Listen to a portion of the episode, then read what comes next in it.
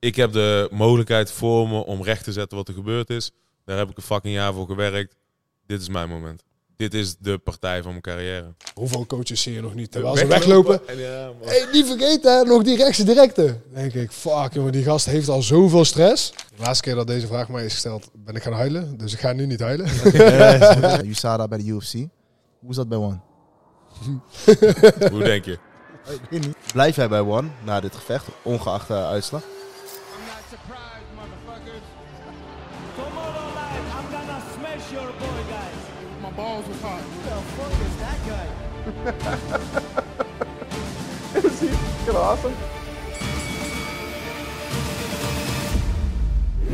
Yes, welkom bij Buitenkooi, de MMA-podcast van Nederland. Eh, zoals jullie zien zitten wij niet in de studio. Zitten wij bij Combat Brothers in Breda.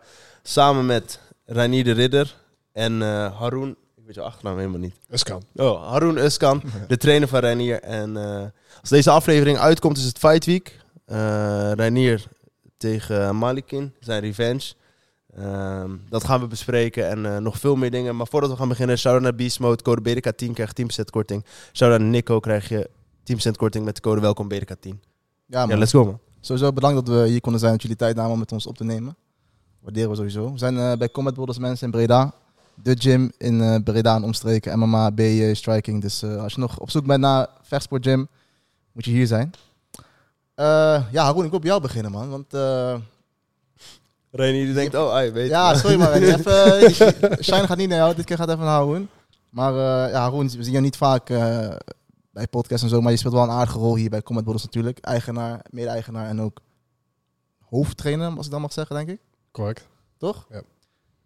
Hoe zou je jouw eh, rol beschrijven in Reiniers eh, carrière, zeg maar? We zien jou vaak in zo'n corner. Je bent een beetje de trainer, sta je rechterhand. Hoe zou jij die rol beschrijven die je speelt? Wat jij net zegt. Nou, ik wil, ik wil kijken hoe Ron het behandelt, man. Eh, wil- Ja, je hebt ook best zo- een unieke band, zeg maar. maar Mhm. Met een trainer, maar ook zijn trainingspartner. Mhm. Ja, dat is, een, dat is een hele goede vraag. En het is een band die jaren geleden is begonnen. Eerst als trainersmaatjes. Ehm, kijk, wat bij ons heel erg interessant is, we hebben een relatie eigenlijk op drie gebieden. We zijn zakelijk partners, we runnen samen een gym. Ehm, we hebben een vriendschappelijke relatie en we hebben een student-coach relatie, als ik het zo mag noemen. En Seksuele relatie. mag je dat gezegd worden? Bij ons mag je Je alles mag je zeggen. alles zeggen, maar we hebben nog geen... eh, Maar dat, dat is wel cultuur. interessant dynamiek. Ik denk wat niet heel vaak voorkomt. Ehm, om terug te komen op de vraag. Wij zijn begonnen als trainersmaatjes. Ik heb destijds... Hij was altijd een eh, mega goed atleet in de BJ-wereld. Toen de switch gemaakt naar MMA. Eh, ik was niet zo van de competitie. Ik heb ook in 2017 besloten om ermee te stoppen. Ik ben toen niet Met gelijk... competitie. Ja, wel altijd blijven trainen. ehm, veel blijven trainen, mijn uren gemaakt. Niet gelijk gaan coachen. Dat heb ik, ben ik in, ik denk 2020 begonnen, maar toen kwam ook corona. Toen ben ik dat wat serieuzer gaan oppakken. Ik ben meer die coachingroute opgegaan.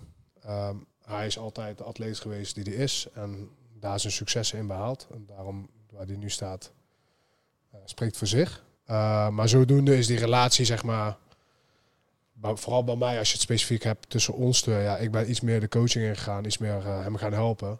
Maar ik denk dat mijn waarde vooral is bij hem. Ik ben iemand die hij altijd kan vertrouwen, dat ik altijd voor hem kan zijn. Iemand die hij sinds dag één kent, die hem meemaakt ja, in zijn goede en slechte tijden. En hij weet gewoon donders goed dat ik voor hem altijd kan zijn. En ik denk dat dat mijn, dat ik daarin heel waardevol ben, los van eh, coaching op de mat, eh, tijdens de partij, et cetera, wat er allemaal ook bij komt kijken. Maar als je, je bundelt namelijk op drie, drie aspecten. eh, zakelijk, vriendschappelijk en ook als coach, leerling, even zo gezegd. Ehm, is het moeilijk te scheiden af en toe? Dus bijvoorbeeld af en toe kan je bijvoorbeeld tegen Reinier zeggen... oké, nu bek dicht houden, dit gaan we doen en op deze manier. Of je moet hem even een wake-up call geven.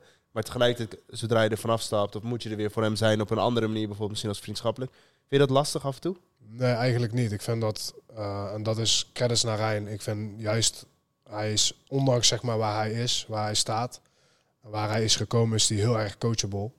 En juist de afgelopen jaren is dat steeds beter gaan worden. Ehm, in het begin moet je soms even schakelen, even zoeken. Maar vooral nu, ja, we maken daar wel heel goed onderscheid in. En alles blijft gewoon heel erg informeel in een, in een relaxe sfeer, als ik het zo mag zeggen. Maar het is wel, als ik iets zeg, dan doet hij echt iets met de informatie. En daarom waardeer ik ook het enorm dat hij eh, dat hij zo kan zijn. Want zulke vechters die zeg maar heel veel succes boeken en heel erg autonoom zijn, want ik vind Reinier een heel autonome vechter, die zelf zeg maar de leiding neemt, keuzes maakt voor zichzelf, heel erg nadenkt voor zichzelf wat hij moet doen. Ondanks al, al die eigenschappen die hij heeft, is hij juist ook heel erg coachable. Want bij heel veel vechters die nog überhaupt niet zo ver zijn, die daar echt wel iets van kunnen leren. Dus uh, nee, ik vind het niet lastig. Oké, voor Rani dan, hè, de, de superster, kan jij ook even aan het woord komen. Ik zie je kijken van wanneer mag ik een keer praten. Ja, ik, zat- ik zie je wil ook aandacht. Je ziet dat ik op het puntje van mijn stoel zit. Ik zie je wil vaak aandacht krijgen, je aandacht. Maar eh ja, zei al, het woord autonoom. Je hebt dan nu aankomende partij tegen Malikin eh, voor de middleweight titel. Je bent nu ook in je camp. Hoe zorg jij ervoor, hoe deel jij je camp in? Ben jij degene die, die bepaalt van oké, die dag ga ik dat trainen, die dag ga ik dat doen? Of zitten jullie samen met jullie team? Of hoe, hoe werkt dat? Ja, dus ehm, we hebben ongeveer een ruw schema wat we altijd volgen, zeg maar. Ehm, als er een partij aankomt of geen partij aankomt. Eh, van wat we doen op welke dagen. En dan samen zoeken we uit eh, waar we de, ehm, de belangrijkste trainingen van maken. Waar we extra dingetjes inplannen. Ehm we schrijven uit waar de eh, fouten zitten. In dit geval in, in de laatste partij. eh, waar we aan willen werken, wat we beter willen maken. En dan zoeken we daar de technische dingetjes bij die we beter willen doen. eh, hoe dat we daar aan, aan gaan werken. Maar ook eh positioneel sparren opties, specifieke sparren opties. ehm, verschillende gyms waar we gaan trainen om, om iets specifiek beter te maken. En dat doen we met z'n tweeën. En dat is, ook, dat is denk ik ook een, van de mooie dingen die we samen doen. Dat we, we zoeken altijd met z'n tweeën uit ehm, wat de beste manier is om iets te doen. Dat was al toen het alleen nog maar jiu-jitsu was. En dat is nu nog steeds. Kijk, van als ik dit doe, werkt dat beter? Of werkt het beter als ik dit doe of wat dan ook? Ehm, en dat, dat is ook hoe wij samen... ehm s- Haroon is stiekem ook fucking goed in jiu-jitsu, zoals jullie weten. Ehm, Het gevoeld, man. Gehoord ook, man. ja, Veel mensen zeggen het, dus. ik weet niet, eh, ja, hij doet geen competitie, want hij heeft geen vuur. En als hij twee keer hard traint, dan is alles kapot. dan doet alles zeer. Maar eh, de jiu-jitsu van Haroon, er is denk ik niemand in Nederland die beter is dan Haroon in jiu-jitsu. Behalve ik zelf natuurlijk. Maar. Hij is zo lekker gewoon gebleven. Is, Eh, Maar dat komt omdat we altijd samen gefocust zijn op alles perfectioneren. Elk stapje van, van mijn game, maar ook daarmee in, van Haroon zijn game eh, beter maken. Wat ik, eh, waar ik een stukje terug naar wil, is ook vanwege jullie band. Ehm, jij hebt Reinier meegemaakt tot het punt dat zijn ongeslagen reeks natuurlijk stopte. Eh, wij hebben de vorige keer met, Haroon- met gezeten, dus enigszins meegemaakt wat, wat het met hem deed. En, ehm, hoe, wat deed dat met jou, zeg maar, als trainer, vriend, eh, zakenpartner? Da- daar ben ik benieuwd naar, want je hoort natuurlijk ja, wat het met Reinier deed, eh, hoe hij het heeft opgepakt. Maar hoe ging jij ermee om? De laatste keer dat deze vraag mij is gesteld, ben ik gaan huilen. Dus ik ga nu niet huilen. we kunnen alles knippen, man. We Nee, we kunnen dat alles knippen. waardeer ik, dat waardeer ik. Van Maar, top jiu naar emotionele man. Kijk, uiteindelijk, eh, zo staat Reinier ook in. Voor iedere partij, je weet dat je een bepaald risico neemt. Dat geldt voor Rijn en voor alle vechters. Je weet, twee mensen gaan de kooi in. Er kunnen hele heftige dingen gebeuren. Er kan niks gebeuren. Eén iemand is de winnaar. Noem het maar op. De, la de keer dat het gebeurde bij Rijn, ik denk waar het mij het meest pijn deed, was om iemand zo te zien. Gewoon, en dat is denk ik dan, het is niet alleen een student-coach relatie. En alhoewel ik emotioneel ook geïnvesteerd ben in mijn studenten, als ik ze zo mag noemen, ehm, ken ik Reinier gewoon iets langer. Heb ik gewoon een veel sterkere band met hem dan eh, gemiddeld iemand met zijn student heeft. En waar het mij enorm raakt, is gewoon om iemand in zo'n staat te zien na zijn verlies, weet je wel. Want je gunt het niemand natuurlijk. Maar als het dan zo dichtbij komt, ehm, en dan denk je, ja, het is een man, het is mijn vrouwen zijn thuis, kinderen zijn thuis, vrienden om hem heen. En ik ben de enige daar die zo dichtbij alles ziet. En dat raakt je wel. Ja, Daar ben ik gewoon eerlijk in. ja, dat geloof ik. Ehm, en dat heeft me ook wel pijn gedaan, maar uiteindelijk, ja, dan, weet je, je, je staat er stil bij en op een gegeven moment heb ik het wel eh, goed kunnen verwerken. Ehm, maar qua partij, ja, je weet dat er altijd kan gebeuren. Je weet dat iemand iets kan breken. Je weet dat iemand KO geslagen kan worden. Dus dat is, dat is iets wat ik van tevoren al had geaccepteerd. Het is alleen los van de partij om iemand daarna in zo'n staat te zien. Alhoewel ik ook donders weet dat hij hier heel sterk uit zou kunnen komen. dat hij hier sterk sterker nog uit zou komen. Want zo, ik ken hem niet anders dan dat. Ehm, dat moment deed me alleen pijn, maar voor de rest, ja, it's part of the game.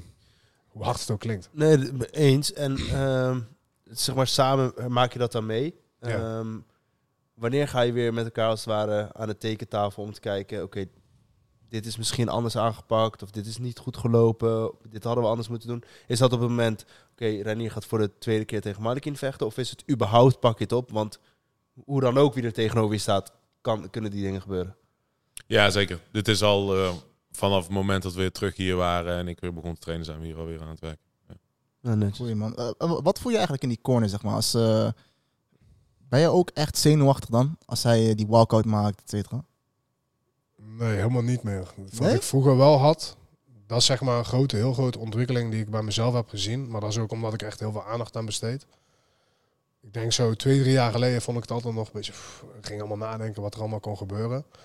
Maar juist omdat ik wat meer aandacht daaraan ben gegeven, oké, juist ik ben degene die... Ik past ook een beetje bij mijn karakter om heel rustig te blijven. Niet te hyped. Ehm, maar ja, de spanning die komt. Maar hoe meer ervaring ik kreeg, hoe rustiger ik bleef. Dus ik heb nu echt bijna... Ja, ik probeer gewoon altijd één te worden met, met de vechter. Mijn zenuwen zijn er vrijwel niet. Ik ben niet afgeleid, ben gewoon hier. Je ziet mij ook meestal gewoon een beetje. Iedereen zegt ook, je staat er een beetje alsof je. Alsof het allemaal maar leuk vindt. Maar was bij, eh, het wat mij opviel, ik sorry, dat ik- was bij eh, Jonas, die had gewonnen. En je zag hem even heel blij doen. En je zag jou heel stoïcijns nog ja, gewoon daar staan van, oké, de win is er. En eh, weer door. Dus dat, on to the next. Ja.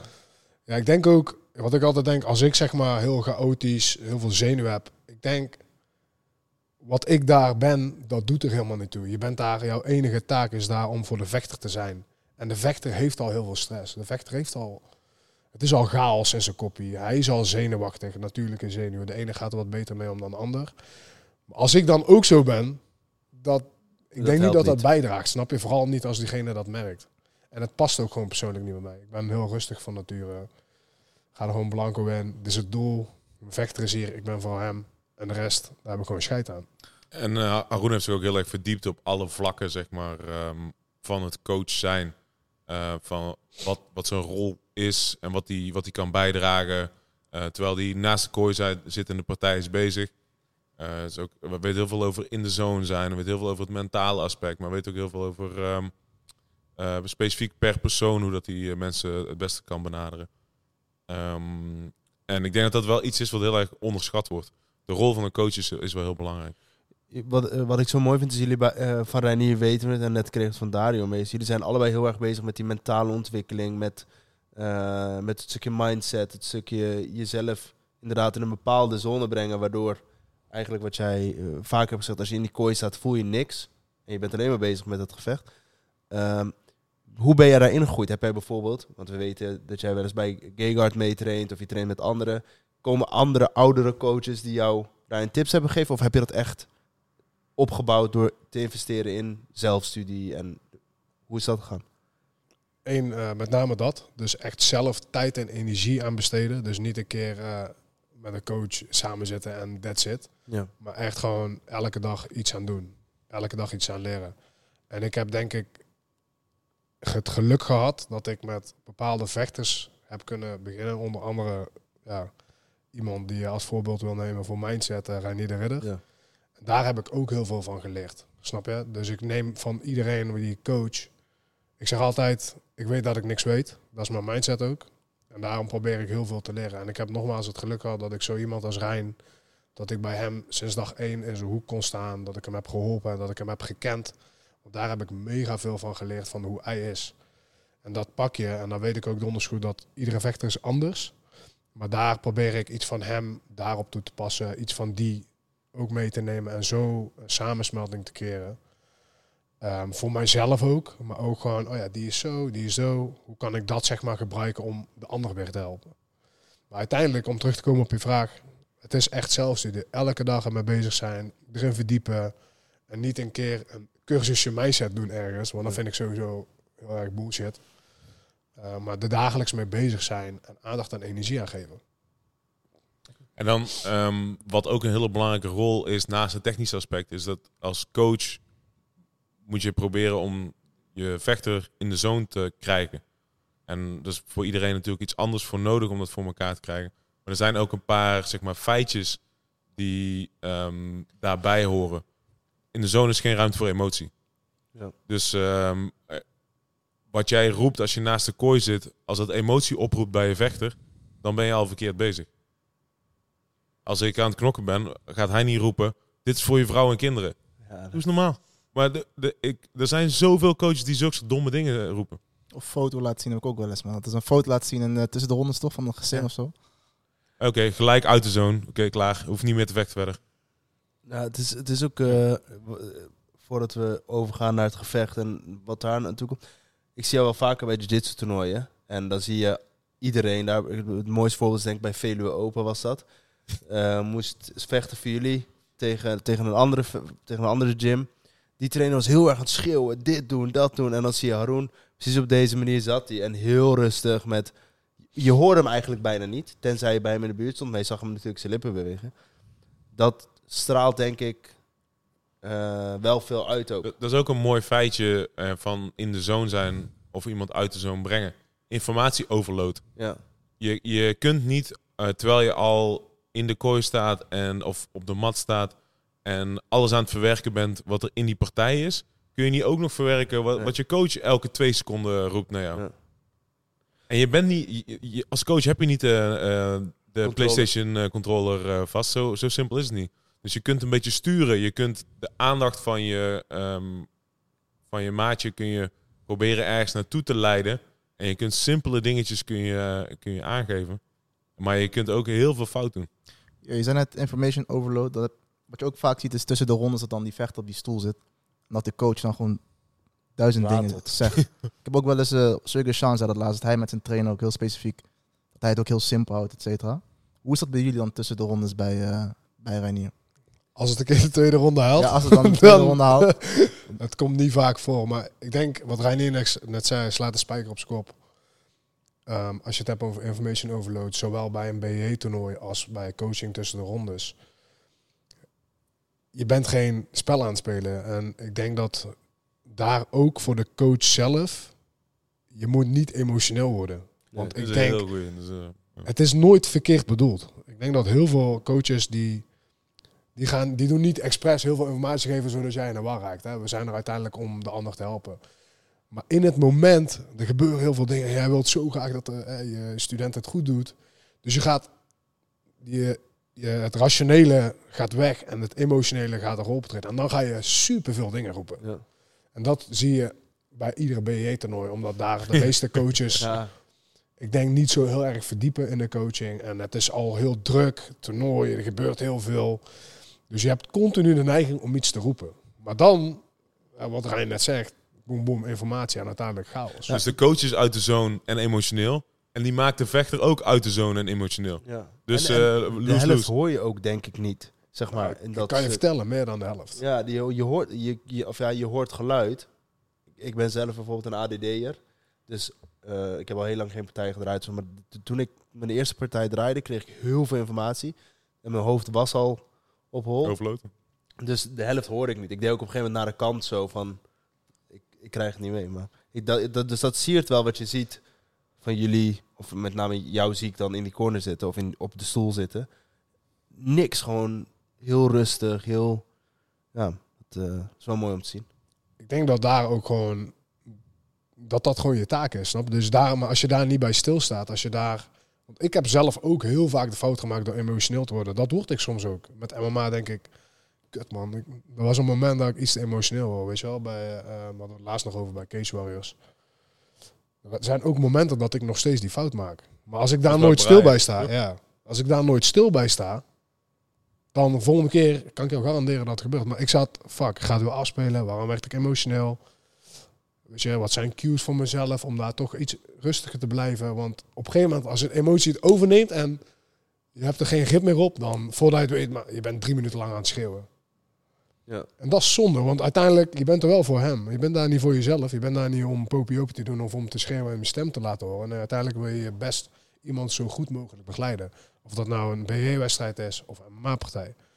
Dus het is wel een constant een, een- ontwikkeling waar je heel erg bewust mee om moet gaan en aandacht en energie aan moet geven. Je kan niet hak op tak verwachten dat je dit onder de knie Dat gebeurt. Ik maak nog steeds die fout. Ik, denk, ik ben iedere keer na een partij denk ik, fuck, dat had ik dat had ik beter kunnen doen. En ik denk dat we daar ook heel kritisch mogen zijn. En om terug te komen op jouw vraag, wat er tussen de rondes, is niet anders dan dat. Dus ik probeer heel erg, je hebt maar een minuut. Dus je allereerste doel is om checken, is mijn vechter oké? Tot rust brengen. En gewoon echt maar een paar dingen zeggen. In plaats van, ja, die jab moet je laten lopen. Pas op voor die takedown. En eh, vergeet die linker trap nog niet. En eh, time guys, out. Ja, en hoeveel coaches zie je nog niet? Terwijl ze weglopen. En ja. Hey, niet vergeten, hè, nog die rechtse directe. Denk ik, fuck jongen, die gast heeft al zoveel stress. Ja. Klopt. En het enige wat jij doet, is nog meer benzine op vuur gooien. Ja, dat... Ja. Maar dat ook. Je wordt emotioneel, je wilt je best doen. ja. Het is ook gewoon lastig. Maar je moet er aandacht en energie en tijd aan geven om daar ook gewoon... Het is ook gewoon een skill. Dat, ja, ik geloof het. Ik, ik, eh, ik luister alleen maar in dat opzicht. Het heeft jaren geduurd bij jullie ook. Omdat, eh, want jij zit dan ook een soort van in de zone dan, als je coacht. Ja, Ja, zeker. ja, zeker, zeker. Maar het, is in, als ik, ik denk altijd, als ik kijk naar vorig jaar, dan denk ik, waar de fuck was je mee bezig? Dus iedere keer is er wel een Ontwikkeling. En natuurlijk, vijf jaar geleden was ik nog niet zo. Ehm, maar ik zie wel ontwikkeling en groei. En in het begin ging het eh, wat minder goed. En het gaat, ja, je- naarmate ervaring en zo gaat het wel steeds beter naar mijn idee. Maar je bent ook vrij jong toch voor een... eh, Klopt. Voor jouw rol. Hoe oud ben je nu? 29. 29. Baba, ik schil maar een jaar hier met Arun. eh Wat, wat doe je allemaal? joh? Leven niet op orde, joh. Maar eh, oké, we gaan- ik wil even naar de Renierspartij ook natuurlijk. Want vorige keer toen we hier zaten had je nog geen partij. Toen was je plan eigenlijk van eerst titel verdedigen tegen die Turk, toch? En- tegen die Turk en eh, daarna Malikin op light heavyweight. En nu Malikin op middleweight. Kan ons meenemen over hoe dat proces is gegaan dat je toch wel die partij op middleweight eh, kreeg? Hoe is dat gegaan? Ehm, ja, One heeft heel lang niks van zich laten horen. Je hebt waarschijnlijk ook, als je een beetje in de gaten hebt gehouden, ze hebben alleen maar Thai eh, partijen gehad eigenlijk een heel jaar. Ze hebben alleen in eh, Bangkok evenementen gehad eh, in een klein stadium, Lumpini Stadium. Ehm, alleen maar kickbox, Muay Thai en grappling partijen. Bijna alle MMA-vechters hebben stilgestaan. Dus eh, trek je eigen conclusies eh, waarom dat is, maar eh, het lijkt me redelijk eh, voor de hand liggend. Eh, ik heb ehm, een wissel gedaan eh, van management. Eh, Ali uh, Abdelaziz eh, aangetrokken. Die heeft met iedereen ruzie gemaakt. En eh, toen is dit eh, gebeurd. Ja, groot voorbeeld, man. Dat is- Ami, Ami vindt hem wel fijn. Echt, ik heb gezegd, ik heb, ik heb hem wel eens gemaild van, hey, nou een stage lopen bij jou, man. Ik moet dit, eh, ja, ik zweer het. Weet je wat, eh, even voordat we daar dieper op ingaan, wat mij, dat wil ik even, eh, wat mij als eerste opviel toen wij hier binnenkwamen, ten opzichte van de vorige keer. Ehm, jouw uitstraling was heel anders. Jouw gemoedstoestand, zeg maar. misschien zat je de vorige keer nog te veel, te veel in je hoofd, of ik weet niet of dat zo was hoor, maar ik heb nu het idee, en toen wij binnenkwamen, maar ook tijdens de training, dat je. Ik weet niet of het zo is hoor, verbeter me. Dat je in je hoofd al heel erg. Wat, dat het wat strakker zit dan toen wij jou de vorige keer spraken. En dat was natuurlijk net na het verlies, en dat begrijp ik. Is dat ook zo, of zit ik er compleet naast? Ja, zeker. Ik heb afgelopen tijd, afgelopen jaar, zeg maar, wel echt geprobeerd om die partij op een goede manier te verwerken. Ook een keertje echt naar terug gegaan en, eh, en mezelf in, die, eh, in dat moment gezet. Ehm, en echt geprobeerd om een plekje te geven. Nou moet ik zeggen, als ik het terugzie, dat ik nog steeds wel denk van, eh, kijk eens, kan ik iemand doodmaken. Maar eh, ik, ik heb wel ehm, een plekje kunnen geven. En ik heb de laatste, ik, heb, ehm, ik had een probleempje met mijn elleboog. Twee dagen gevast, eh, niet gegeten. Ehm, en ik was de afgelopen dagen echt in een staat van, ik moet echt iemand doodmaken. Dus Dat, dat zag je ook, zeg maar. ja, zo, zo heb ik me echt de afgelopen dagen echt gevoeld. En nu vandaag is ietsje beter onder controle. Maar ja, en ik voel me de afgelopen maanden, eh, ik voel me echt elke week sterker worden, scherper worden. Ehm, hoe dichter die partij komt, hoe meer ik eh, voel dat ik klaar ben om, eh, om dit moment te grijpen. Mag ik jou een directe vraag stellen in het opzicht van jouw partijen daarvoor waren vrij snel klaar en was het heel erg vanuit jouw ground game en je hebt een hele, wat je zelf ook zegt, veruit de beste jiu-jitsu practitioner van Nederland. Ehm, ging jij te veel leunen op jouw kracht op de grond, waardoor je misschien niet in die partij goed zat met jouw stand-up? Of... Nee, ik ging te veel le- leunen op het feit van gewoon een partij, als er een partij begint, dan gaat het gewoon zo lopen. Ja. Ik, ik had, in mijn hoofd ging het gewoon op een gegeven moment, eh, als ik ga vechten, zo gaan partijen gewoon. Ik loop naar de gozer toe, ik pak hem vast en ik choke hem. Ja. En dat was niet meer eh, zo, de laatste keer. Oké, maar Dus eh, ik heb ehm, met name wat ik denk ik een beetje kwijt ben geraakt in die periode naar de partij toe, is eh, ehm, de passie voor de kleine details. De focus op de kleine details en ehm, blijven ontwikkelen. Ik denk dat ik een beetje op een gegeven moment verliefd nam van die skills, die zijn van mij en die zullen er altijd zijn. En ik kan gewoon iedereen naar de grond brengen en ik kan iedereen choken. En los van of het staand of op de grond is of wat dan ook. Ehm, zo op een gegeven moment was, is dat gewoon, het ging 16 keer zo fucking makkelijk eigenlijk. Ehm, tegen de eh, grootste vechters eh, die al jaren ongeslagen zijn, die iedereen knock-out hebben geslagen. En ik pakte ze relatief makkelijk. En op een gegeven moment ehm, ja, heeft dat een beetje te veel eh, plek in mijn hoofd gekregen, denk ik. Je ging te veel leunen op het comfortabel zijn. Is dat het? Ja, ja misschien niet, niet per se comfortabel zijn, maar dat was een beetje het beeld wat ik had van... Ik, ik ben die gozer die dat altijd doet. En ik vergat een beetje wat me die gozer maakt. Die, die het altijd voor elkaar kan krijgen. En dat is... Want ik heb voor die Partij van Melkin gewoon fucking hard getraind. Dat is, dat is het probleem niet. Ehm, maar heel veel gespart en een beetje vergeten om, ehm, om ook specifiek voor te bereiden op die gozer. Om ook hem het respect te geven wat hij verdient. En ehm, eh, te groeien op al die kleine vlakken. Dus eh, je kreeg gewoon een belletje van eh, Ali dan. Ali Abdelaziz van, hey, Qatar, middleweight, Malikin. Ja.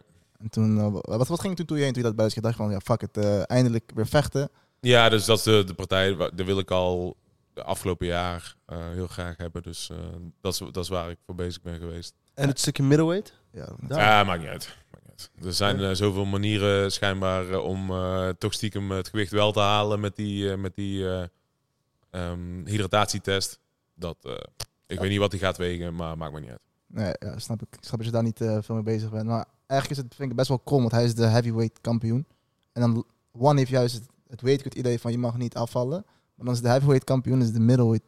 Die gaat dan voor de middleweight titel. Dus dan ja, moet hij toch ergens wel eh, afvallen. Er is een discrepantie in het hele verhaal.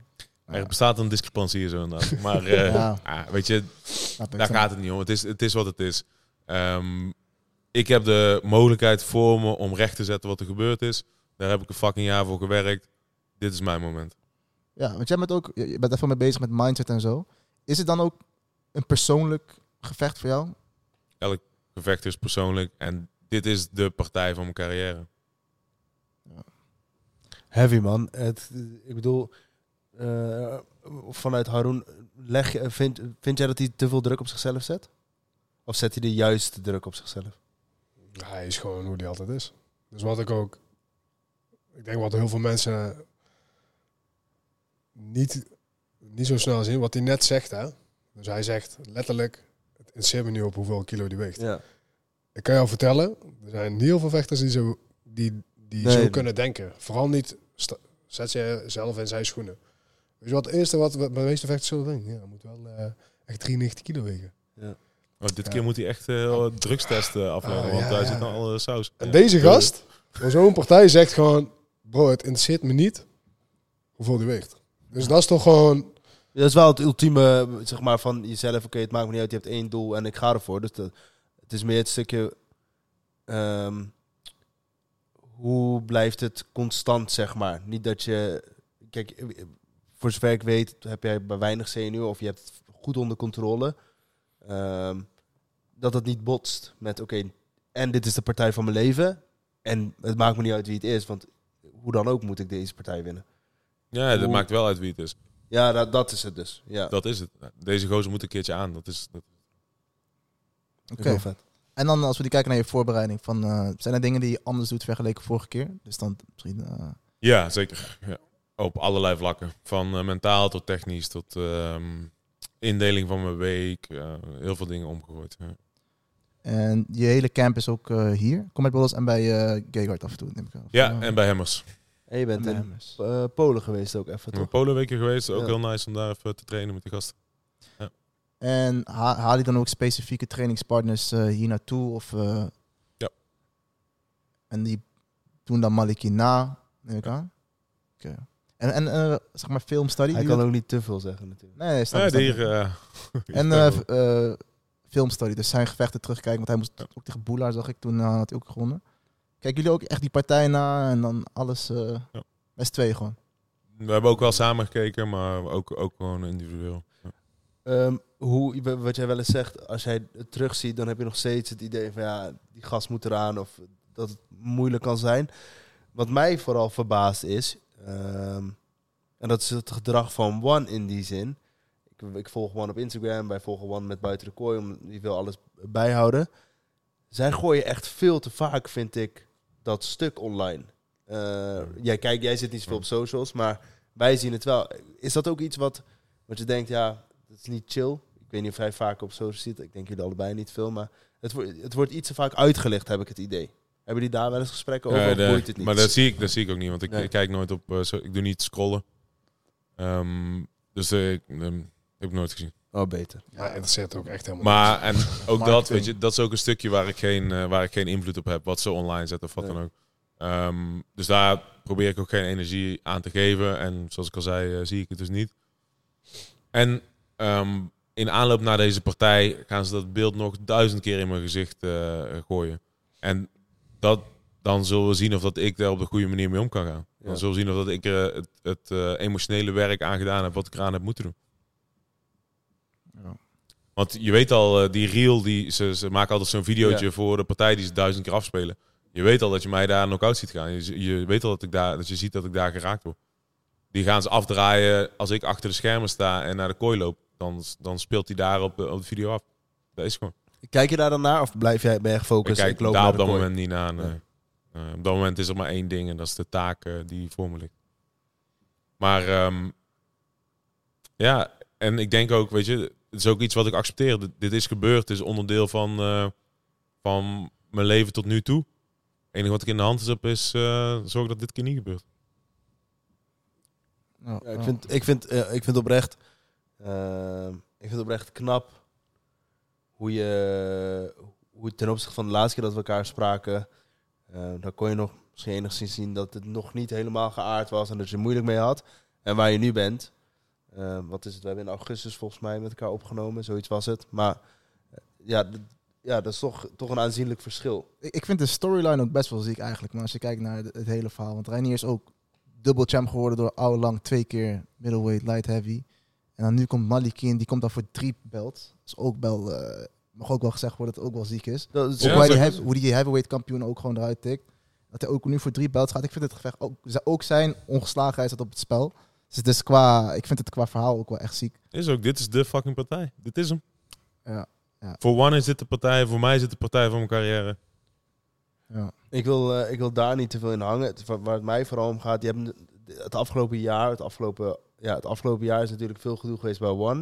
Eh, we hebben jou veel, toen wel veel op socials gezien. In ieder geval, dit werd voor je gedaan met, komt er nog een partij, ik moet aan de slag. En eh, jongens, ik kan niet stilzitten. Daar waren ze niet blij mee. Nee, dat geloof ik. Want eh, wij hebben op een gegeven moment vanuit buiten de kooi hebben het ook erop gezet. Gingen mensen ook reageren. Ik geloof wel dat ze niet... Chatri is volgens mij op een gegeven moment gek geworden met hoeveel meldingen die kreeg. Ehm, blijf jij bij One na dit gevecht, ongeacht de uitslag? Dit is de vraag die we heel veel hebben gekregen. Hè? Dus Ja. ik stel hem ook maar gewoon. Ja. Daar kan je niet veel over zeggen. ja, ik kan er nu niet veel over zeggen. Sowieso is het maar is het en de ehm, mijn gedachten gaan niet verder dan 1 maart op dit Ja. moment. Ah, ik, je snapt dat ik niet, Nee, nog, dat snap ik, niet nog een keer een jaar ga stilzitten. Nee. Dit, Nee. zijn, dit is het moment in mijn, eh, in mijn carrière. Ik ben op mijn top. Ik ben sterker dan nooit, fitter dan nooit, scherper dan nooit. Ik moet gewoon vechten. Ik moet gewoon drie, vier keer per jaar kunnen knokken. Oké, iets waar ik ook benieuwd naar ben, we spraken eh, Jarno ergens, die dan vertelt over eh, USADA bij de UFC. Die moest dan ook eh, overal vertellen waar hij was, via zo'n app, van ik ben hier en dan moest hij daarheen pissen, et cetera. Hoe is dat bij One? Hoe denk je? ik weet niet. Zetten ze een foto van al mijn tegenstanders eh, op, eh, achter elkaar. Van eh, Big Dash. Big Dash, Galvao, ehm, Kan wel. Ja, Galvao is natural. elke? Rus. Maar Niet bestaand. je moet niet pissen in een potje. Ik moet pissen in een potje, ja, maar daar doen ze niks mee, denk ik. Gaat jouw potje, komt daar ook een gat in? Of, eh? Daar doen ze niks mee. Nee, dus, Nee. ehm, Ik wil, eh, wat, wat ik me ook legit afvraag is, dat is een discussie die wij vaak hebben gehad, ook en eh, tijdens de podcast, als wij bijvoorbeeld eh, vechten bespreken, of er komt een nieuwe vechter, die wordt prof, of die komt in ieder geval binnen de UFC. Eigenlijk is jullie verhaal best wel uniek in het opzicht van, vanaf het begin zijn jullie samen. Jullie bouwen het op, je bent dubbelchamp geweest. Soms denk ik bij mezelf, en ik heb niet jullie inzichten, laat ik dat voorop zijn, is het niet beter voor een bepaalde vechter om te wisselen van jouw omgeving? Omdat die heeft jou gebracht tot je amateur topniveau, maar prof wordt weer iets anders gevraagd. Hoe is dat bij jullie gegaan, die switch van... Nee, je hebt, niet, je hebt één amateurpartij gedraaid, volgens mij, ja. Hoe is dat gegaan van die aanpassing? ja, wij zijn heel erg samen gegroeid. Ja, Wij zijn heel erg samen steeds beter geworden in het, in het trucje wat we nu nog steeds doen. Ehm, en ik denk dat dat ook echt iets is per vechter wat, ehm, wat bij ze past of wat dan ook. Ik denk dat we bij CB, eh, zeker vanwege de rol die Arun speelt in het begeleiden van, die, eh, van al die gasten, dat er echt ruimte is voor ze om een hele carrière bij ons te bouwen. Maar ik kan me ook voorstellen als je bij een kleinere gym begint, waar je sparringspartners be- beperkt zijn, waar de kennis en de kunde en de tijd van je coach beperkt is, dat er een keer een, een, een top aan zit inderdaad. Ja. Ja, dat vind ik wel uniek. Want jullie, ja, je doet ook gewoon je hele MMA-carrière, je, je camps hier met Haroon. En het heeft je wel gebracht tot waar je nu bent. Maar je hebt ook eh, best wel vaak in het buitenland getraind, toch? Mhm. Eh, ja, merk je dan, dan daar ook al van, ik loop echt, eh, hoe zeg je dat? Dat je daar ook echt je zelfvertrouwen uit had als je die mensen dan bijvoorbeeld gewoon ja, Ja. redelijk op de mat gooit. Je denkt van, oké, ik, ik zit hier wel eigenlijk wel goed. Ik ben, ehm, wat is het, denk ik, anderhalf, twee jaar geleden in Florida geweest. In Austin eh, veel eh, getraind. Florida met eh Driekes eh, getraind. Ehm, ehm, met al, al die, daar in Florida komen al die goede gasten bij Henry. Ja. Ja, dat is wel iets wat we wel veel zelfvertrouwen geeft. Ja. Ja. Ga jij dan mee, Haroon? Of is dat echt het stukje wat Soms wel, soms niet. Ligt een Ah, beetje aan de situatie. Ligt aan of ik kan. Je, je hebt, maar jij compete gewoon niet meer. Nee, 2017 niet. Dus Waarom? ik vind ook... eh één, omdat ehm, ik toen dacht, weet je, ik haal hier geen voldoening uit. Waarom ga ik competen? Iedereen verklaarde mij voor gek, weet ik nog. En ook met MMA, waarom ga je niet vechten? Je traint met de pro's en je doet zo goed. Maar ik bleef toen heel dicht bij mezelf van, wat maakt mij nou... Wil ik dit echt? Antwoord was... hm. Dus voor mij, eh not a clear yes is a clear no. Ehm, en toen dacht ik, oké, dit wil ik niet. Wat kan ik wel doen? En ik stond, ik was toen ehm 2017, dus ja, ik had wel wat ervaring en ik was wel op een bepaald niveau, maar ik dacht, ik ga eerst nog even mijn uren maken op de mat. Ik trainde altijd keihard mee met die gasten en eh, genoot daarvan. En toen dacht ik, ik merkte aan mezelf, want toen hier en daar, we hadden toen echt niet een groot team, moest ik met iemand mee naar de kooi. Toen dacht ik, dit, dit prikkelt mij wel ergens. Dat, vooral dat anderen helpen, zeg maar. Toen dacht ik, ik ga meer, wat meer focussen op coaching. En naar, naar mijn mening, als je volledig wil committen op coaching, moet je jezelf opzij zetten voor de ander. Dus al als ik hier ben en ik ga met die gasten meesparren, dat kan tot op zekere hoogte waardevol zijn. Maar het is veel waardevoller als ik aan de kant zit, de les begeleid, hier en daar wat sturing geef. Dus vandaar ook mijn keuze gewoon om niet te competen. Al verklaart iedereen mij voor gek. Eh, waarom doe je het niet? Je zou het heel goed doen. Al kan ik heel veel bereiken, dat is niet waarvoor ik op dit moment leef. Mijn voldoening is zijn succes, zijn verlies, zijn succes, zijn verlies. Daarin goede samen dingen meemaken, alles met elkaar te kunnen delen. En gewoon ook voor het team. Het is ook een natuurlijke rol waar ik, ik denk, waar een soort van behoefte aan was. Uh, en wat uiteindelijk wel, als ik kijk naar waar we nu staan, dat dat een goede keuze is geweest. En ik sta nog altijd achter mijn keuze. Altijd. Want wie stond daarvoor bij jou in je corner, Reinier? Ehm, ja, het is eigenlijk altijd wel Haroon en Hessel geweest. Ja. Alleen toen deden we, trainen samen en gingen als trainingsmaatjes daar naartoe. Ja, Ja. En sinds 2020 is Heb het echt coach echt- geworden. de shift gaan maken. Oké, ik ga echt iets meer committen op coachen. En toen ben ik mezelf studies veel meer aandacht en energie aan gegeven. Wat proces loopt. En jullie hebben ook steeds meer eh, talenten bij Combat Borders lopen. Toch als we kijken nou voor profs die nou eh, Ja, trainen. Ja. Hoe zorg je ervoor dat je dat ook goed managt? Dat ook iedereen zijn aandacht krijgt. En eh, je moet ook waarschijnlijk bij iedereen in de corner staan. En hoe, hoe ga je daarmee om? Dat is ook een eh, uitdaging. Toevallig heb ik net voor de podcast ook met Rijn over gehad. Kijk, dat is juist mijn pakje Jan. Ik moet daar mijn weg in zien te vinden. En ja, ik doe gewoon mijn best om dat, ehm, om dat in goede banen te leiden. We hebben echt heel veel pro's ook die naar ons zijn gekomen en ons willen representen. Ehm, ik heb ook letterlijk Raas Marijn over gehad. Ik vind het eigenlijk wel groot genoeg zo, als ik het mag zeggen. Want ik wil iedereen zo goed mogelijk kunnen begeleiden en niet iedereen in de hoek staan en dat ik bijna vergeet wat die, eh, tegen wie die moet vechten als Ja. het ware. Maar uiteindelijk is het de aandacht en energie die je eraan geeft. Dus als ik er elke dag mee bezig ben, oh ja, die, is- die moet dan vechten. Af en toe appen sturen, af en toe even een appje in de groep sturen, jongens. Pup, pup, pup. Aanwezig zijn bij de trainingen, aanwezig zijn als iemand een keer een sessietje wil doen. Mensen prikkelen. Eh, als iemand een partij heeft, hey, laten we even samenkomen, waar ben je mee bezig? Dus uiteindelijk, hoe meer aandacht, tijd en energie ik daaraan kan geven, hoe meer ik mezelf ontwikkel, hoe beter ik dat in bepaalde banen kan leiden. En uiteindelijk is mijn doel ook om een cultuur in het team te creëren wat zichzelf ook helpt, snap je? Dat Rijn Zijn eigen helpen. natuur, zeg maar. Juist, want ik ben ook maar een mens. Hè. Ik heb ook maar twee ogen en één brein. Ik doe ook maar mijn best. Maar ik weet niet alles. Ik kan niet overal altijd bij zijn. Het kan zijn dat ik even weg ben. Het kan zijn dat ik ook dingen fout doe. Dus ik probeer heel erg mensen te prikkelen van... geef me feedback, eh, laat me dingen weten. Als je mij een klootzak vindt, mag je dat altijd zeggen. Dus een heel open cultuur creëren... waarbij één de jongens elkaar helpen... maar waarbij we ook gewoon communiceren naar elkaar toe. En uiteindelijk dingen gewoon vanzelf kunnen lopen... en waarbij ik gewoon een coachende rol heb. Hoe gaat dat het in het stukje, eh, en speel jij daar dan ook een rol in, Ranier?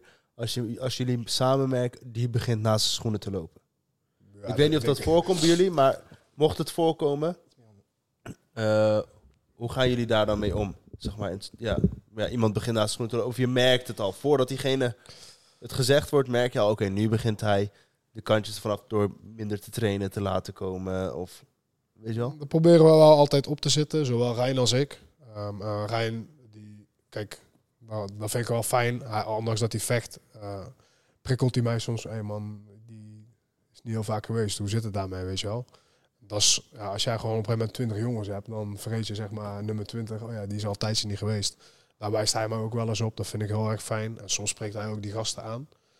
Dit is ook een, ehm, een stukje informatie ehm, naar onze vechters toe. En een stukje kennis wat, je, wat wij nodig hebben. En wat de vechters ook nodig hebben. Want heel veel gasten denken een uurtje per dag is wel genoeg. Het zijn niet... Er zijn niet eh, als, je, als je dat niet weet, als je niet weet wat er van je verwacht wordt om bij de wereldtop te horen. Als je niet weet wat je moet doen om de allerbeste te kunnen zijn. Dan ehm, neem je soms genoegen met minder. Ik denk dat er heel veel vechters zijn die op een redelijk niveau vechten. En die denken dat ze alles doen om de allerbeste te zijn. Maar die nog geen fractie doen van wat ze zouden moeten doen. Die nog geen 20% doen van wat, ze eigenlijk, wat, wat eigenlijk van ze verwacht wordt. Hoe, hoe komt dat dan, denk je? Wil- Willen ze dan niet graag genoeg? Nee, ze willen het heel graag. Deze niet. Ze weten niet voldoende. Ze weten niet wat ze nou echt moeten doen. Ze denken, als ik een uurtje hard kom trainen vandaag, dan heb ik het wel weer gedaan. Ik ben helemaal kapot. Alles doet zeer. Maar je hebt nog niet eens, je hebt nog niet eens een fractie gedaan van wat je eigenlijk zou moeten doen. De motivatie is altijd wel heel hoog, maar uiteindelijk de discipline is niet alleen op de mat, maar ook buiten de mat dat je bezig blijft met je ontwikkeling met vechtsport. Wat ging er goed, wat ging er fout? Om terug te komen op jouw vraag van lopen de mensen naast de schoenen bij CB? Het komt eh, niet zo heel vaak voor, maar ik ben daar wel een beetje, ik ben daar wel redelijk streng op. Ook. Ja. Ook Bij de amateurs. Naar mijn mening, als amateur zo, als we het hebben over A-klasses met name en zo, ik denk ja, daar moet je allemaal niet mee bezig zijn. Ik probeer ze ik probeer me niet al te veel mengen, want dat is ook een stukje een privé dingetje voor hun. Eh, dingen waarmee ze, ze willen een keer een videootje maken. Maar het moet niet te veel afleiding zijn voor ze. Voor hun ontwikkeling niet, voor de partijen niet. Eh, en als iemand echt de kans vanaf begint te lopen, bij mij is de regel heel simpel. En ik had toevallig nog ook, ik denk vorige week met Rijn over, ik ga dan, we zijn er al redelijk streng, maar ga daar gewoon nog meer op zetten van vriend. Je komt je uren, maak je uren niet. Het vind niet erg dat je een training skipt, hè. Maar dan moet je naar mij komen en dan moet je zeggen, ik heb dan niet kunnen trainen, kunnen we dan even een sessie doen. Ja. Dan gaan we gewoon vechten. Dan maakt het mij Ja. niet uit. Mag je alles, dan zou ik, al bel je mij 12 uur s'nachts, ik kom hier met jou trainen. Maar als jij de kans van af begint te lopen, dan ga ik gewoon zeggen, vriend, ik ga jou gewoon niet coachen. Ja. En er zijn altijd redenen om niet te komen trainen. Want Precies. is, dit is niet het enige wat, wat belangrijk is in het leven. Dat snap ik ook. Ja. Ehm, zeker eh, die gasten die een paar profpartijen hebben, die hebben daarnaast werk. Die hebben misschien al een gezin. eh, van alles nog. Dus het is heel begrijpelijk dat je niet kan doen wat je moet doen om de allerbeste te zijn. Maar ja, dan moet je wel zo eerlijk zijn dat, dat het gewoon niet lukt. En in hoeverre begeleiden jullie ze eh, in het stukje, inderdaad, als iemand werkt, is maar onderaan de streep mo- moet de boterham verdiend worden. Hoe graag je ook prof wil worden en ehm, helpen jullie met plannen en dat soort dingetjes? Zeker. Of hoe begeleiden jullie ze daarin? Zeker, dus ik ga altijd, met, vooral met nieuwe mensen die bij mij komen, daar ga ik altijd een gesprek aan. En dan leg ik een beetje uit hoe ik ben, hoe zij zijn. Maar als ze naar een partij komen, ik zeg ook altijd, vooral bij jongens die opkomen en amateurs, zeg ik, luister, je hebt een vriendinnetje, je hebt familie, je hebt een studie. Ik zeg, dan moet je ook niet zomaar verwaarlozen. Ik zeg maar, uiteindelijk om iets te bereiken moet je wel fucking committed zijn hierop. En wat hij zegt, het, een uurtje trainen is gewoon niet genoeg. Dus als jij tegen mij zegt, ik wil ergens komen, dan heb ik een bepaald verwachting. Ja. Als jij echt zegt, ik wil hier iets van maken, dan moet je gewoon bepaalde dingen opofferen. Maar, ik snap ook als je dinsdagochtend moet werken, dat je niet naar onze worstelsessie kan komen. Dat is voor mij niet het probleem. Zolang je maar je uren maakt. Het is niet alleen die ene sessie. Het is gewoon de, de hele week, welke uren maak je, ermee bezig zijn. Dan kunnen we altijd wel een manier vinden op basis van jouw persoonlijke omstandigheden. Dat is ook nog een mooi ander dingetje. Het is niet voor een paar maandjes. Hè. Je gaat er gewoon vol voor. Als, jij de, als jij de beste ergens in wil zijn, dan ben je tien jaar bezig met deze shit. Dan ben je tien jaar toegewijd. Dan ben je niet drie maanden wel. Oh, ik heb een partij, ik ga even hard trainen. Dat kan niet. Dan word je niet de beste. Ja, is toch ook En dan word je niet eens één van de beste. Dan word je niet eens top 10. Als je af en toe wel hard traint en af en toe niet hard traint. Je moet er gewoon altijd alles voor doen. En daarnaast kun je een heleboel andere dingen doen, want er is tijd zat op een dag. Je kunt, Ja. je, je, kunt je bedrijf ondertussen bouwen. Eh, je kunt een fijne relatie met je vrouw, met je kinderen hebben. Je, daar kun je allemaal eh, tijd aan besteden. Maar als je nog steeds het dingetje in je achterhoofd hebt, ik wil de beste hierin zijn, dan zul je daar gewoon een bepaalde eh, tijd in moeten investeren. Dat is toch ook die quote van eh, whenever you're pregnant, everybody congratulates you, but they never wonder how many times you got fucked, zeg maar. ik gehoord, maar ja, dat is het ken ik ook niet, man. Ja, maar dat is het stukje Maar- van als je... eh, als je er van- bent dan. Als je er bent, dan zegt iedereen, ah gaaf, je bent er en hoe ben je kampioen? Wat gaaf, je bent kampioen. Maar niemand vraagt, Hoe is het gelukt? hoe vaak ben jij op je bek gegaan en hoe vaak... Maar, en ook, ook dat, weet je wel, dat is ook zo'n ehm, in de moderne eh, maatschappij een beetje een dingetje. Eh, eerst was de grind, het was fucking slecht. Oh, niemand heeft mijn hustle gezien. Maar je kunt, we, je kunt hier tering hard werken en er nog steeds plezier in hebben. Ja. Dus ik, denk, el- ik denk elke dag als ik wakker word, denk ik, fucking mooi. Ik kan zo meteen gaan trainen. Ik breng mijn dochter naar school en ik ga hier trainen. Zoontje loopt hier een beetje rond. We lachen. Maar ondertussen doe ik wel het fucking werk wat nodig is. Maar heb jij daarin, en het is niet, maar niet kritisch bedoeld, want je hebt het goed voor elkaar. Heb je niet een soort luxe positie Zeker, maar die heb ik zelf gecreëerd? Ja, dat bedoel ik. Ja. Gecreëerd met dat soort, misschien ook het pech wat vechters bij jullie, ja, pech niet. eh, Ze hebben met jou hebben ze eigenlijk een heel goed voorbeeld met. Je hebt je eigen zaak, je hebt eh, met de visio, je hebt eh, samen met Haroon de sportschool en daarnaast ben je professioneel vechter. Dus ze kunnen nooit zeggen, van ja, ik werk en ik doe dit, of ik ben ondernemer en ik doe dit, maar het lukt niet. Want ja, het groot Het, voorbeeld het is zit. wat je, de, en daarvoor moet je bepaalde keuzes maken. Ik heb bijvoorbeeld een heel simpel dingetje. Ik heb van ehm, helemaal in het begin eh, heb ik bedacht, alles gaat in Breda zijn. Ja. Want ik kan, niet, ik kan niet ook nog eens twee uur op een dag ergens naartoe reizen. Dat, is niet, dat, dat red ik niet. Dan, dan kom ik in eh, tijdsnood. Dat is Ehm, gewoon een beetje verwachtingsmanagement voor jezelf. Ja, ik denk gewoon open en eerlijk naar jezelf zijn. Ik denk dat het allerbelangrijkste is. En heel veel mensen houden zichzelf voor de gek. Ik wil de allerbeste zijn, maar ja, het lukt me toch niet om, eh, om drie keer op een dag te trainen. Maar hoe, hoe heb jij dat volgehouden? Want je hebt ook judo gedaan sinds, je- hoe oud was je toen? Vijf. Vijf. En dan ben je ook ho hoogst niveau, MMA, hoogst niveau. Heb je nooit gehad dat je dacht van, eh, wil ook, Ja, ik ik wil, ook- weet- ik wil ook de andere kant van het leven zien, weet je wel. Van, is eh, ik heb wel een beetje gefeest eh, toen, ik net, toen ik net in Breda kwam wonen, een paar jaar. Maar wat is het eerste wat, je, wat jij eh, verlangt na, na je Even mijn vrouw bellen, dat is Ja. het eerste wat ik altijd doe. Ja, ja. en daarna, vlieg, daarna vliegtuigstand. Maar d- dat is ook echt iets wat, ehm, wat een reden is waarom ik zo cool vind om te knokken. Het avontuur is zo fucking groot. Ehm, Ja. En dat is ook een dingetje wat me echt heel erg geholpen heeft na die laatste verliespartij. Eigenlijk ben je gezegend om ehm, zulke lows te mogen ervaren, zulke diepe dalen te mogen ervaren en zulke hoge pieken. Ja. Want wie, wie, wie maakt dat mee? Wie maakt het mee dat, dat, dat alles van hem ontnomen wordt? Wie maakt het mee dat hij echt in de shit zit, dat hij echt fucking stront voelt? Pieter, hij is eh, dakloos geweest. Precies.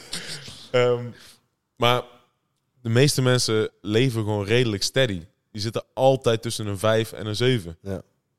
En wij hebben het voorrecht om soms op een 11 te zitten en soms op een 1. Ja. Weet je wat ik me afvraag is, wat je net zo, wat je best wel mooi zegt, is na je partij het eerste wat je doet is je vrouw bellen. Heb jij het geluk met jouw partnerkeuze in dat stuk? Want ja, ik kan ook wel denken dat zij denkt, Poh, eh, kom ik in naar huis of eh, met dat trainen. Of, is dat Ja, een goede tuurlijk. steun daarin? Ja, zeker, zeker. Ja, Ja, dat is toch wel, ja. Je ja ziet- maar dit is ook zeker, en dat is ook een dingetje waar we het ook samen vaak over hebben gehad. Het is- valt ook niet voor haar niet altijd mee, hoor. Het, is, Nee. het, is, uh, het, is, het gaat altijd maar om mij. Is- die training gaat altijd voor, weet je wel. Ik, weet- wat ik me onderweg hier naartoe afvroeg was een beetje... eh, in hoeverre maakt zij Reinier de vechter mee ten opzichte van Reinier de man slash vader Ja. Ja, beste vriend of hoe je het ook wil noemen. Maar in hoeverre kan jij dat scheiden, zeg maar? Ja, ik verander wel echt heel erg als mens ook als de partij dichterbij komt. Ja, Ja? ja. Vind je het moeilijk zelf? Zeg maar naar Ja. je kids toe, naar je vrouw ja dat is wel echt iets waar ik wel echt bewust mee bezig ben. Ja, ja. Kan, ik kan Want- begrijpen dat je... Zeg maar, voor je kids, die zijn nog relatief jong... Ja. dat die dat voor hun ook nog zoekende is van hè, maar nu is papa bijvoorbeeld heel erg gefocust en dan is Nou, papa- maar zo, zo, zo heftig probeer ik het niet te laten zijn. Maar er zijn wel eens dagen bij dat ik een beetje te scherp ben op... eh, ook eh, in de privé eh, sfeer natuurlijk. Word je dan teruggeroepen? Ja, ja, ja. De, mijn vrouw zit ook al redelijk... eh, is niet op de mondje gevallen. Mijn vrouw is niet op de mondje gevallen. Mm. Nee, ik vind het mooi dat je dat zegt, man. Ik, ik, ik ben het helemaal met je eens. Ik kan denk ik, ik kan me niet eens voorstellen hoe het zou voelen als jij dan die tweede belt wint, dat je dan dubbel champ bent of ja. Weet je, ik denk niet dat het een beter gevoel is dan dat als je daar ook je hele leven lang voor traint en dan maak je ook die andere kant mee van, ja, dan heb je, verlies je gewoon een belt ook op, ja, op de eerste ronde. Ja, je kan het niet vergelijken, denk ik. Want alles is op een amateurniveau bij ons. Zeg maar, als je, Dat maakt geen flikker uit, vriend. Als, je, als jij op de nou, als mat ik bijvoorbeeld staat... toen ik, mijn, eh, toen ik mijn blauwe band haalde, Ja? toen gingen wij stappen met z'n allen. Dan ben je wel euforisch in je hoofd van, oh ik heb die blauwe band gehaald en we zijn nu aan het stappen. En, Precies, jongen. zeg maar dat, Had hem ook om toen, hè? Ik had hem ook op. Ik ben gewoon zo, eh, zo eh, klein bloemkoortje. Kijk dan. Ja, blo- nee, dat je, je bent wel euforisch, zeg maar. Maar ik vraag me af of dat dus nog een level hoger is wanneer je dus meemaakt wat jij meemaakt. Ik denk dat dat allemaal ehm, afhankelijk is van wat je erin gestoken hebt. Snap je wat ik bedoel? Ja, Want euforisch kun je ook zijn als je MDMA neemt en naar een festival gaat. ja eh, klopt. En, Wanneer was jouw eerste keer? Eh, Gisteren nog, eh, nee. maar ehm, het, het, ma- het, die euforie is mooi omdat je er zoveel tijd en energie in hebt gestoken. En jij hebt er een bepaalde hoeveelheid tijd en energie in gestoken om blauwe band te kunnen worden. Ja. En daarom is die euforie zo, eh, zo eh, bijzonder. Daarom is het zo gaaf dat je het gehaald hebt. En daarom is het zo mooi om je zo te voelen. Ja. En ehm, dat is met de titel winnen net zo, net zo goed. Het is mooi omdat ik er fucking heel mijn leven al voor bezig ben. Ja, dat is het stukje energie, denk ik inderdaad. Hoeveel heb je erin gestopt en wat krijg je Ja. ervoor terug? Als een vechter verliest, wat zeg je tegen die vechter? Of hoe zorg je ervoor dat hij niet eh, de down wordt? Ehm, ligt er een beetje aan waarom we hebben verloren. Ik denk als ik kijk naar afgelopen jaar in ieder geval tot nu toe. m- meeste partijen hebben we verloren gewoon of omdat de ander beter was. Kijk, de- als we hebben verloren omdat we niet genoeg hebben gedaan, dan voel ik me echt kut. Maar dat is mijn verantwoordelijkheid. Dan is, dat is niet alleen van die vechter. Dan heb ik mijn werk gewoon niet goed gedaan om hem niet op te wijzen, et cetera. Dat is niet heel vaak voorgekomen, gelukkig. Ik heb wel een moment gehad dat ik dacht, "Hm, dat hadden we beter kunnen doen. Maar achteraf eh, had ik kunnen doen, is altijd fucking makkelijk gezegd. Ik voel me sowieso altijd kut. Ik gun het niemand. Ehm, maar wat ik tegen de vechter zeg, Ik ga gewoon altijd samen zitten. Ook als iemand wint of verliest. Probeer altijd na partijen samen te kijken wat dat we weten kunnen doen. Evalueren. Hoe voelde je? Zijn er dingen voor de nadoen naar de partij niet goed gegaan? Eh, voelde je in een partijkut? Zei ik dingen niet goed? Een soort feedback loopje, man. Winst of verlies. En bij de probeer wel altijd eerlijk te zijn, laat ik dat voorop stellen. Ik ben ook altijd eerlijk van. Ja, je, je stond erin als een zak stond. Of eh, ja, ook gewoon eerlijk van, ja, je hebt alles gedaan wat je kon doen, maar het is niet gelukt. Dat kan ook gewoon een conclusie zijn. Snap je dat de ander beter was? Is het, eh, is het ook het stukje wat ik me wat ik afvraag is... Ik heb dat wij hebben dat bijvoorbeeld eh, met voetbal op amateurniveau. Wij voetballen echt eh, voor de derde helft. Maar als wij Mhm. verliezen is iedereen bij ons chagrijnig. Er zit ook niemand in de kantine. Hoe zou jij reageren als een vechter verloren heeft... En je, ziet, en je krijgt volgens van, ja, die was vol aan het stappen. En, is het dan dat jij meegaat van, hé, hey, dat is niet zo slim. Of probeer het anders aan te pakken. Of, want zo, iemand kan ook denken, ja, ik ga vol zuipen, want ik heb verloren en eh, ik ben zwaar depressief. Even heel Ja. zwart-wit Ja, ligt er een beetje, daar heb je iets meer context bij nodig. Ja. Kijk, als een vechter een beetje half trainingskamp heeft gedaan, Ja. gehad, en hij gaat gewoon beknokken en hij verliest en hij gaat feestvieren, dan zeg ik, ja, maar dat, dat gebeurt niet, hier niet, snap je? maar mocht het maar gebeuren, ja, dan zou ik wel naar hem toe lopen en zeg ik van, vriend, als je, als je überhaupt wil dat ik jou coach, of als je hier wil blijven trainen en je wil nog een keer vechten, dan gaan we dat niet op deze manier doen. Punt.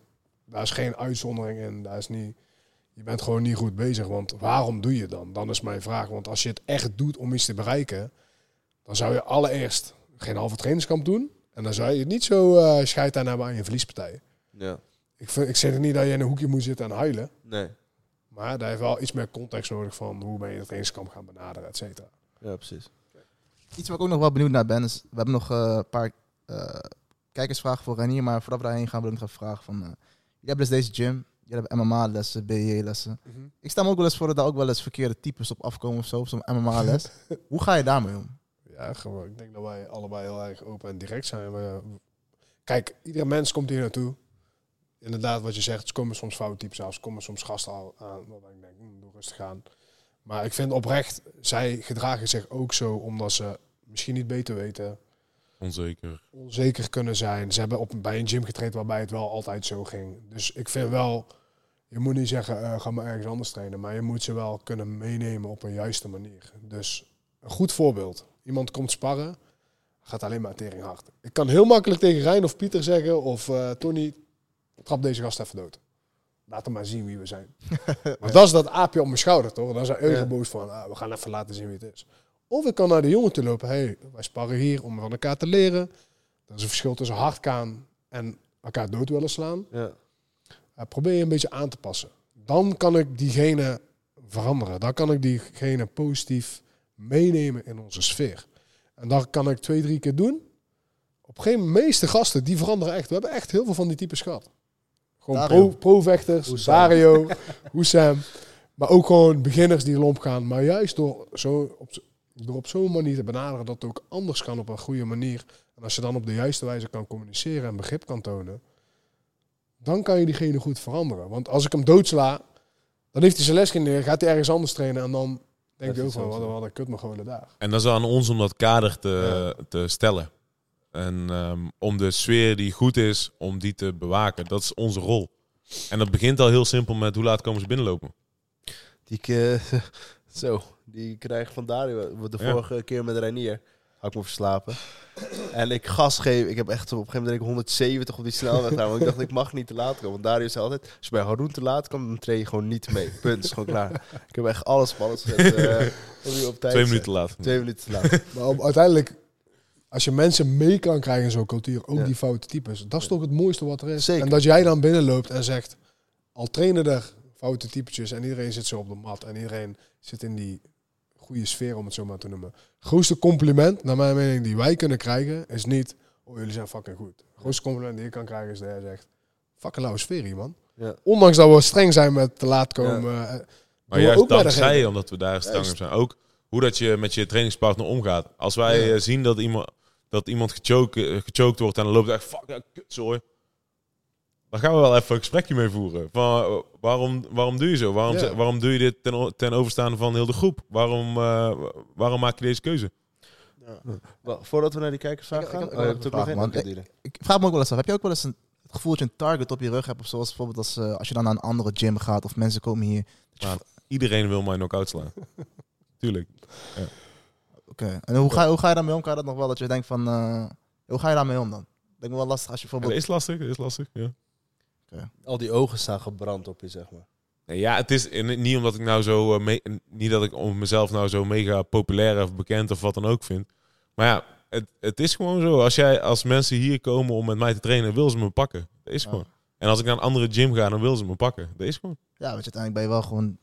De status van... eh, Ik ben de kampioen, dus ze denken, als ik die kan pakken, dan eh, zal het goed zijn. ja. En dat snap ik ook. Als ik ergens ga trainen en ik, eh, ik ga met iemand sparren die, eh, die goed is, dan wil ik hem ook pakken. De, de vraag die ik heb voordat we naar de kijkersvraag gaan, en die is ook wel aan jullie allebei.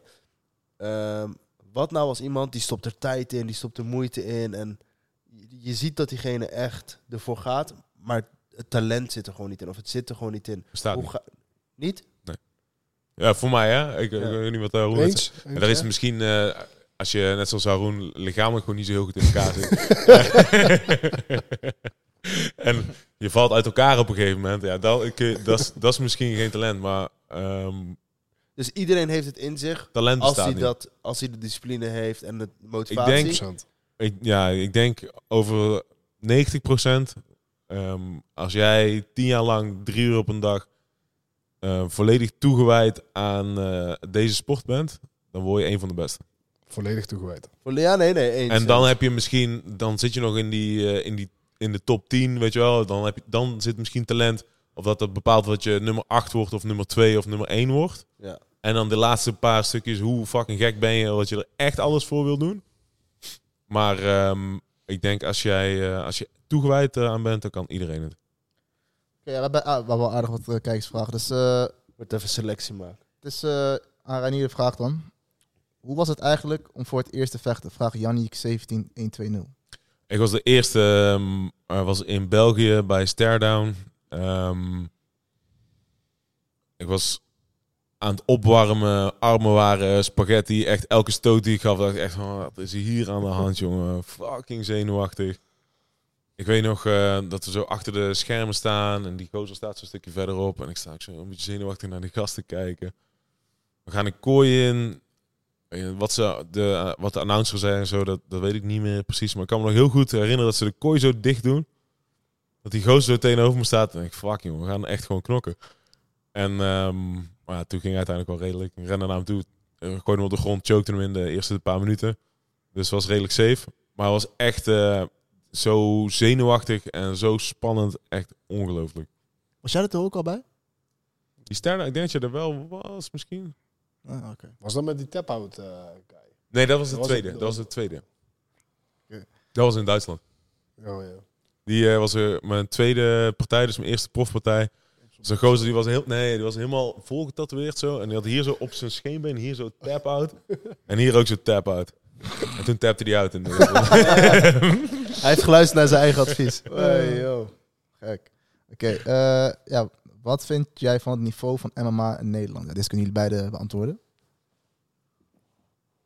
Ja, ik vind het eh, niveau van MMA in Nederland is eh, bizar als je kijkt naar eh, hoe groot landje we zijn. Hoeveel, hoe weinig aandacht er voor MMA is. Hoe weinig er in, MMA geïnvesteerd wordt, is bizar. als je kijkt wat wij voort hebben gebracht van eh, jullie maat Bas Rutte al af.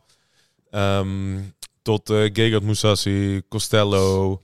Er zijn eh, zo, de lijst is bijna oneindig aan wat voor vechters we allemaal niet geproduceerd hebben. Ja, ik denk vooral ook het amateurniveau. Dat is, daar zie ik echt een exponentiële groei. Er is veel gebeurd laatste jaar. Ja? Als je kijkt naar drie, vier jaar geleden. Nou, toen waren wij ook nog in onze beginfase met eh, coaching en dat soort dingen. Je toen naar een gala ging en dat was een amateurpartij, dacht je echt van, wat fuck is dit?